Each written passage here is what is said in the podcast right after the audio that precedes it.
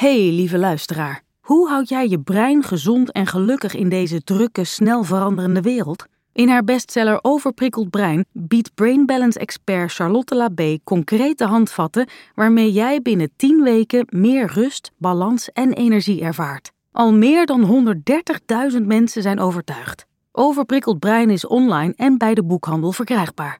En dan gaan we nu door naar de podcast dan ga je wel te maken krijgen met mensen in je omgeving die uh, teleurgesteld zijn in je. Maar het is heel belangrijk in het leven om mensen teleur te stellen af en toe. Als iedereen zo lief was voor zichzelf als ik voor mijn kat, dan hadden we een hele andere wereld, zeg ja, maar. Ja, zo is het wel. Bless Billy. Dat is Marianne's kat. ja, ja. Wordt ontzettend vertroeteld. Welkom bij Lieve Marianne, een podcast waarin ik brieven beantwoord over het leven en de liefde. Jullie brieven over grote en kleine problemen. Ik ben therapeut en schrijver Marianne Mudder. En ik ben Rachel van der Pol, jouw sidekick. Speciaal omdat het werkboek van Wat ik eerder had willen weten is uitgekomen, zijn wij nog een keer samengekomen om drie brieven te beantwoorden. Naast advies geeft Marianne bij iedere brief ook een praktische oefening uit het werkboek mee. Toch? Ja, ja, nee, want snappen wat er met je aan de hand is, is hartstikke belangrijk. Maar voor een lichter en fijner leven zul je echt wat moeten doen. Met deze podcast en het werkboek hopen we je een eindje op weg te helpen. Vandaag behandelen we de brief van Doreen, die altijd voor iedereen klaarstaat. En nu is ze het zat. Ze is moe en op.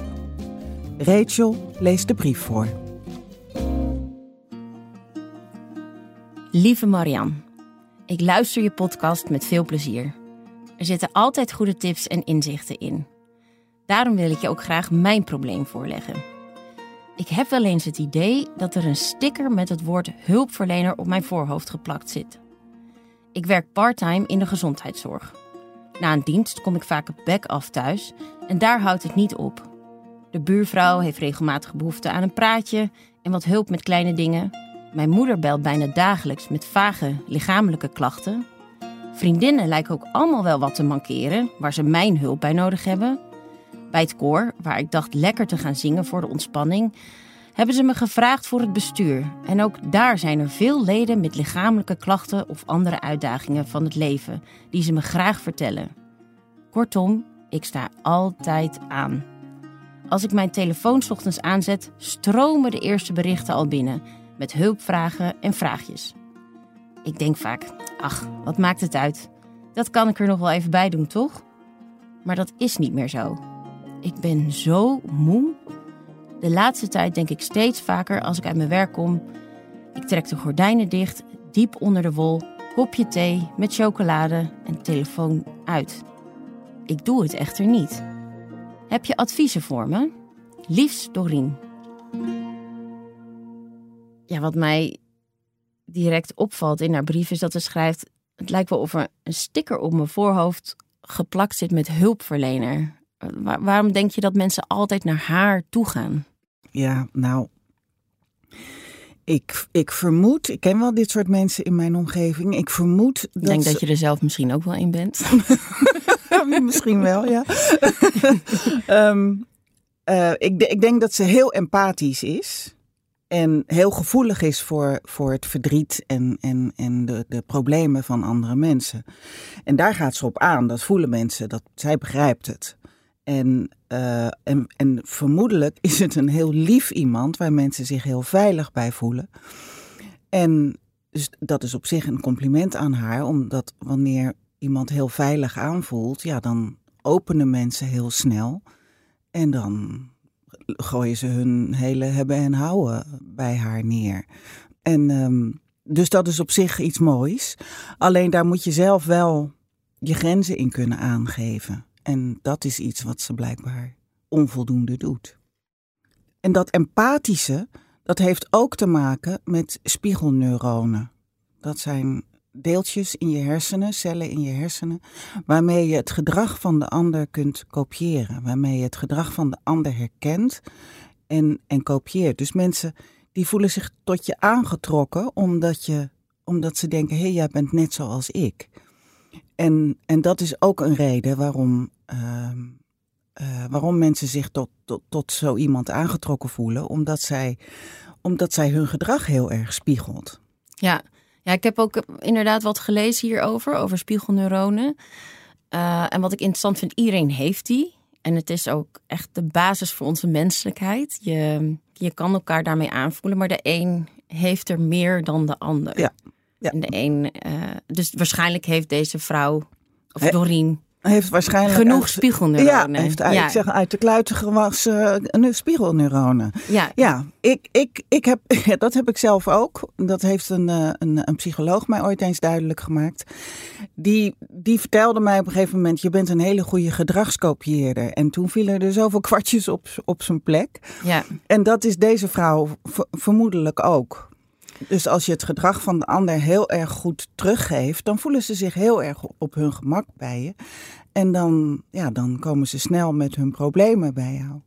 Ja, ik herken het ook. En wat ik uh, zo'n zo lastig aan dit vind, wanneer je uh, de problemen aanvoelt van de ander, dan voel je de pijn van de ander. En ik heb dat zelf ook vaak gehad. Dan voelt het als jouw verantwoordelijkheid om dat dan ook op te lossen.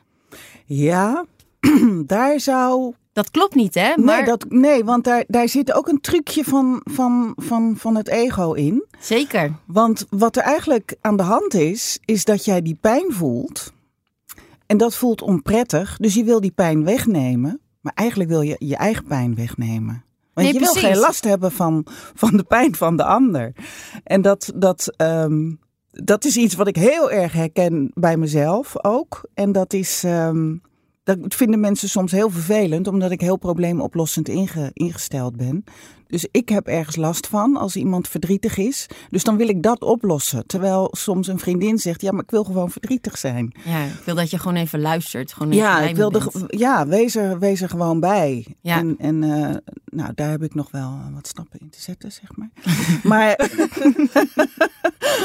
maar um, maar, maar dit soort uh, dynamics, zeg maar, de, deze dynamiek speelt, speelt heel erg een rol in, dit, in deze problematiek. Ja, um, en je zegt ook het is, het is een mooie eigenschap. Um, het kan je ook veel brengen, het kan je omgeving veel brengen, maar Doreen, het brengt Doreen momenteel in de problemen. Ze is, is duidelijk op. Ja, en, en dat heeft alles te maken met, met deze fantastische vaardigheid, want dat is het. Maar um, eigenlijk noemen we dit de wounded healer.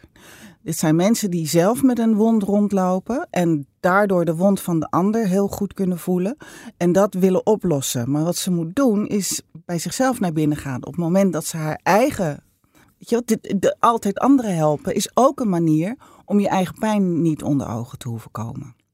Dat is heel vaak ook wat er aan de hand is. Ja, je hoeft niet stil te staan bij jezelf. Nee. Het is een copingmechanisme. Het is een copingmechanisme. Ja. Ik ga zorgen dat mijn, mijn omgeving het goed heeft. En dan, en dan, heb ik het, dan heb ik het hopelijk ook goed. Vaak uh, uh, komen dit soort mensen ook uit een onveilig gezin. Waarin ze dit copingmechanisme hebben ontwikkeld.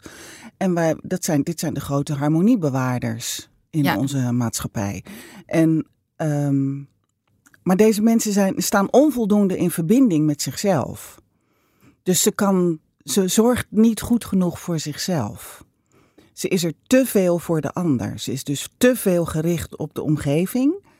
En wat ze moet leren is meer, um, bijvoorbeeld bij zichzelf bij alles afvragen: is dit goed voor mij? Zichzelf op de eerste plaats zetten. Dat is een proces, is best lastig als je dat niet gewend bent. Want dan ga je je schuldig voelen en uh, ga je overschamen en zo. Maar dat, dat is wel, dat is wel um, je wel, grenzen stellen begint daarmee. Met, met jezelf op de eerste plaats zetten en voor jezelf te zorgen. En dan, wanneer jij genoeg uh, energie hebt en je sterk genoeg voelt, en er dan voor de ander zijn. Want Nou ja, anders zei ook loop je al- leeg. Ja, en je zei al van dat is, dat is heel lastig, want dat gaat vaak gepaard met schaamte en schuld. Ehm, want de omgeving als ik het zo hoor uit die brief, zij is echt een soort speel waar iedereen op leunt. Ja. Weet je wel, op een gegeven moment als jij je dan jezelf weghaalt en zegt ik moet mezelf eerst sterker maken. En, en er vallen mensen om je heen. Dan zeggen ze ja, yo, ehm, ja, mensen zijn Waar- teleurgesteld waar, in je. waar ben je nou? Ja. Ik, ik ken ook wel voorbeelden dat mensen je dan zelfs egoïstisch kunnen noemen. Ja. Of Dat klopt. eh, vanuit de gewenning van de rol die zij inneemt. Ja. Eh, dat, dat lijkt me wel heel lastig om je daaraan te ontworstelen. Dat is ook lastig. Dat is ook niet iets wa- waarvan je denkt, oh, dat, eh, oh morgen ga ik het anders doen. nou, Dit- dat- precies. ja. Het is echt wel een conditionering. Ja, ja, ja. Het is een hele diepe conditionering. Dus als, je, als, je dit, als ze dit op een goede manier wil aanvliegen, dan gaat ze een helingsproces aan. Dit heeft ook te maken met, met een gezond zelfbeeld. En dat dat niet afhankelijk is van de waardering van anderen, maar dat je voor jezelf durft te kiezen. En dat gaat, dat gaat stapsgewijs. Maar het feit dat ze zich hier nu van bewust is.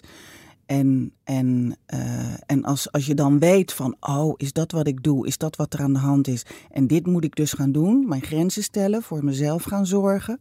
Zich gaan verdiepen in wat zelfzorg nou eigenlijk precies is. Toevallig gaat mijn werkboek daar voor heel erg voor een heel belangrijk deel over. Waarin ik heel gericht opdrachten geef. Waardoor mensen dat kunnen eh, eh, integreren in hun dagelijks leven. Dan, dan ontstaat er iets anders. En ja, dan ga je wel te maken krijgen met mensen in je omgeving die eh, teleurgesteld zijn in je. Maar het is heel belangrijk in het leven om mensen teleur te stellen af en toe.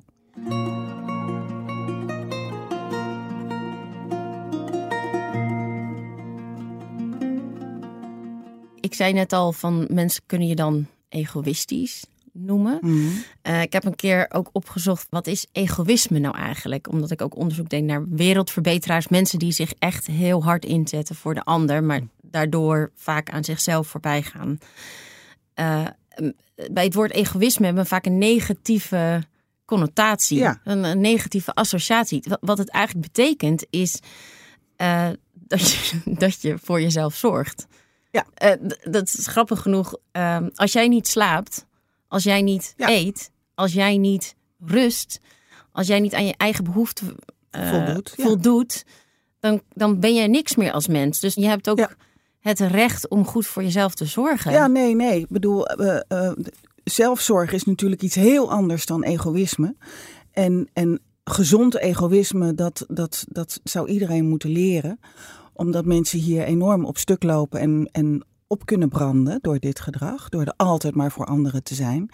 En het probleem is natuurlijk dat in onze samenleving dit een eigenschap is die hoog gewaardeerd wordt. Oh, zij staat altijd voor Ja. anderen klaar. Oh, en de deur staat altijd open en zij is er altijd. Maar die mensen die komen uiteindelijk bij mij terecht. Toen, weet je wel, Of worden ziek. worden ziek of worden, raken burn-out of krijgen paniekaanvallen.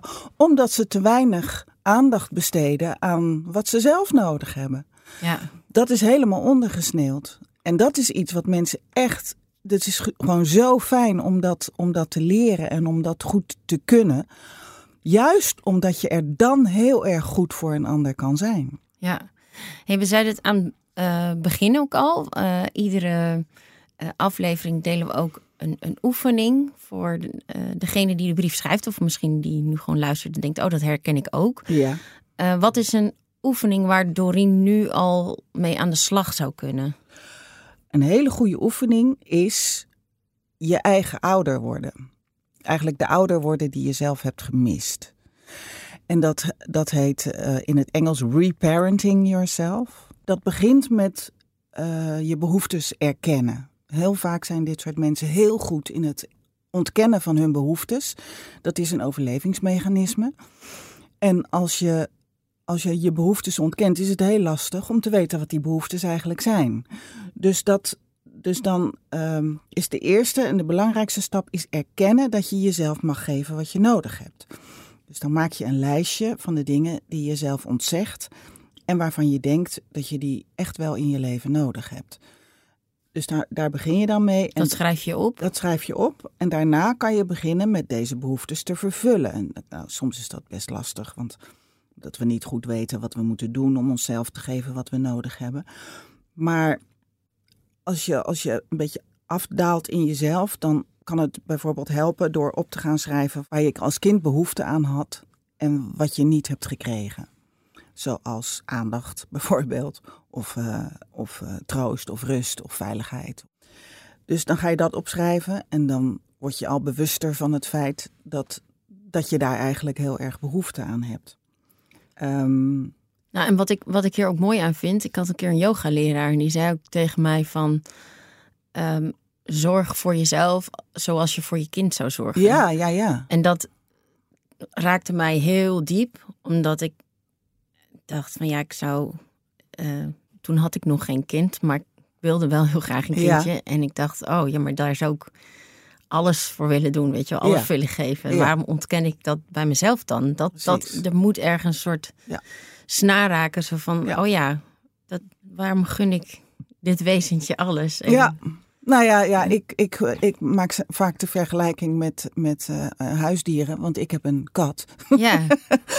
en en uh, als iedereen zo lief was voor zichzelf als ik voor mijn kat, dan hadden we een hele andere wereld, zeg ja, maar. Ja, zo is het wel. Bless Billy. Dat is Marianne's kat. ja, ja. Wordt ontzettend vertroeteld. Maar um, wat heel belangrijk ook is, is um, je eigen voorwaarden stellen.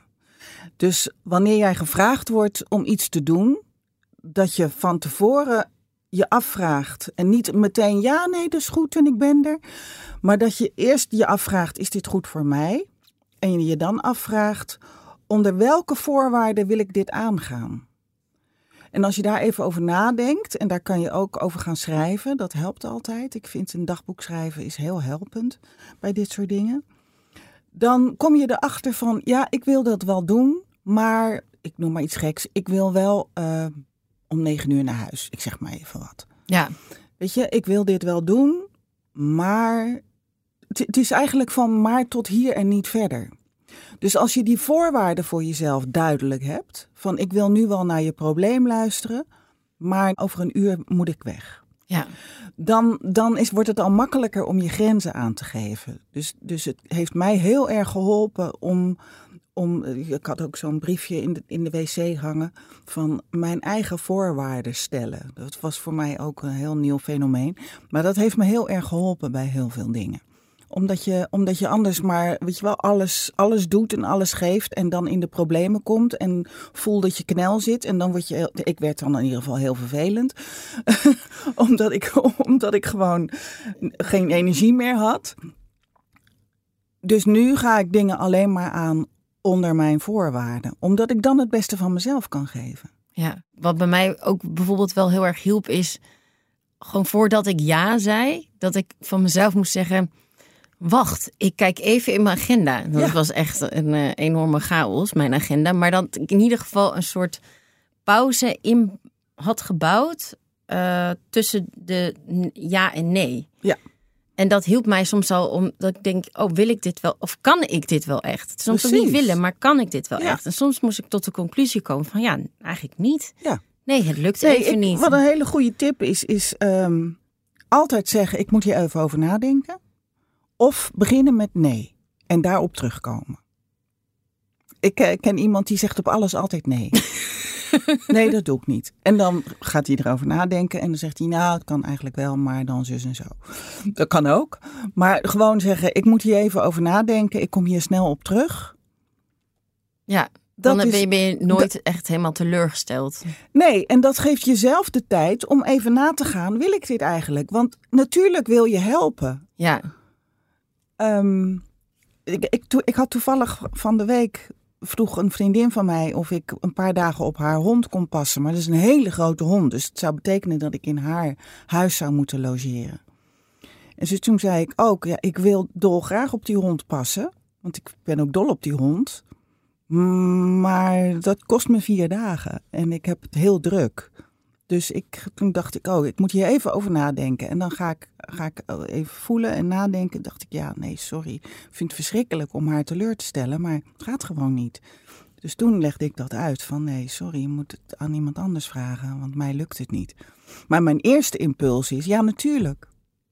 ja want je wil iemand helpen. Want je Ja. wil iemand helpen, ja. Is het dan ook zo dat zelfzorg ehm, ook een, een stukje zelfdiscipline is? Zeker. Want je moet wel elke keer. Ja, je moet, het, het is, heeft allemaal met bewustwording te maken.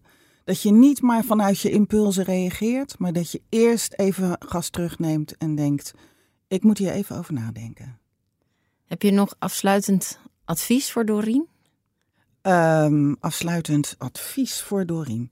Uh, nou ja, dat, ik denk dat het heel goed is voor haar als ze wat meer naar binnen gaat en gaat voelen wat, met welke pijn ze eigenlijk zelf rondloopt en waarom ze andere mensen zo graag wil helpen en wat ze daarbij voor zichzelf uit de weg gaat.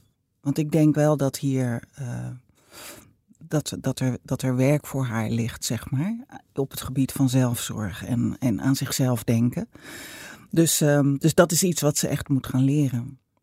Om, om eerst zichzelf uh, te verzorgen en daarna pas de ander.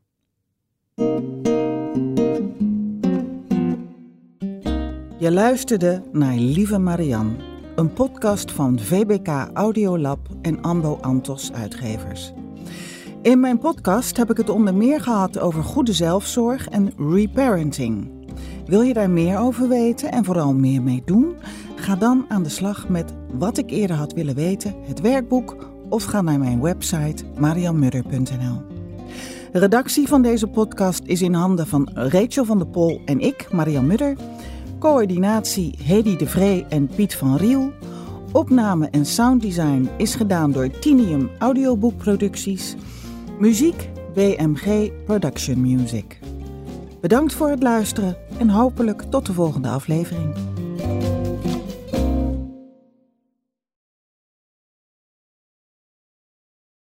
Hey lieve luisteraar, hoe houd jij je brein gezond en gelukkig in deze drukke, snel veranderende wereld? In haar bestseller Overprikkeld Brein biedt Brain Balance expert Charlotte Labé concrete handvatten waarmee jij binnen 10 weken meer rust, balans en energie ervaart. Al meer dan 130.000 mensen zijn overtuigd. Overprikkeld Brein is online en bij de boekhandel verkrijgbaar.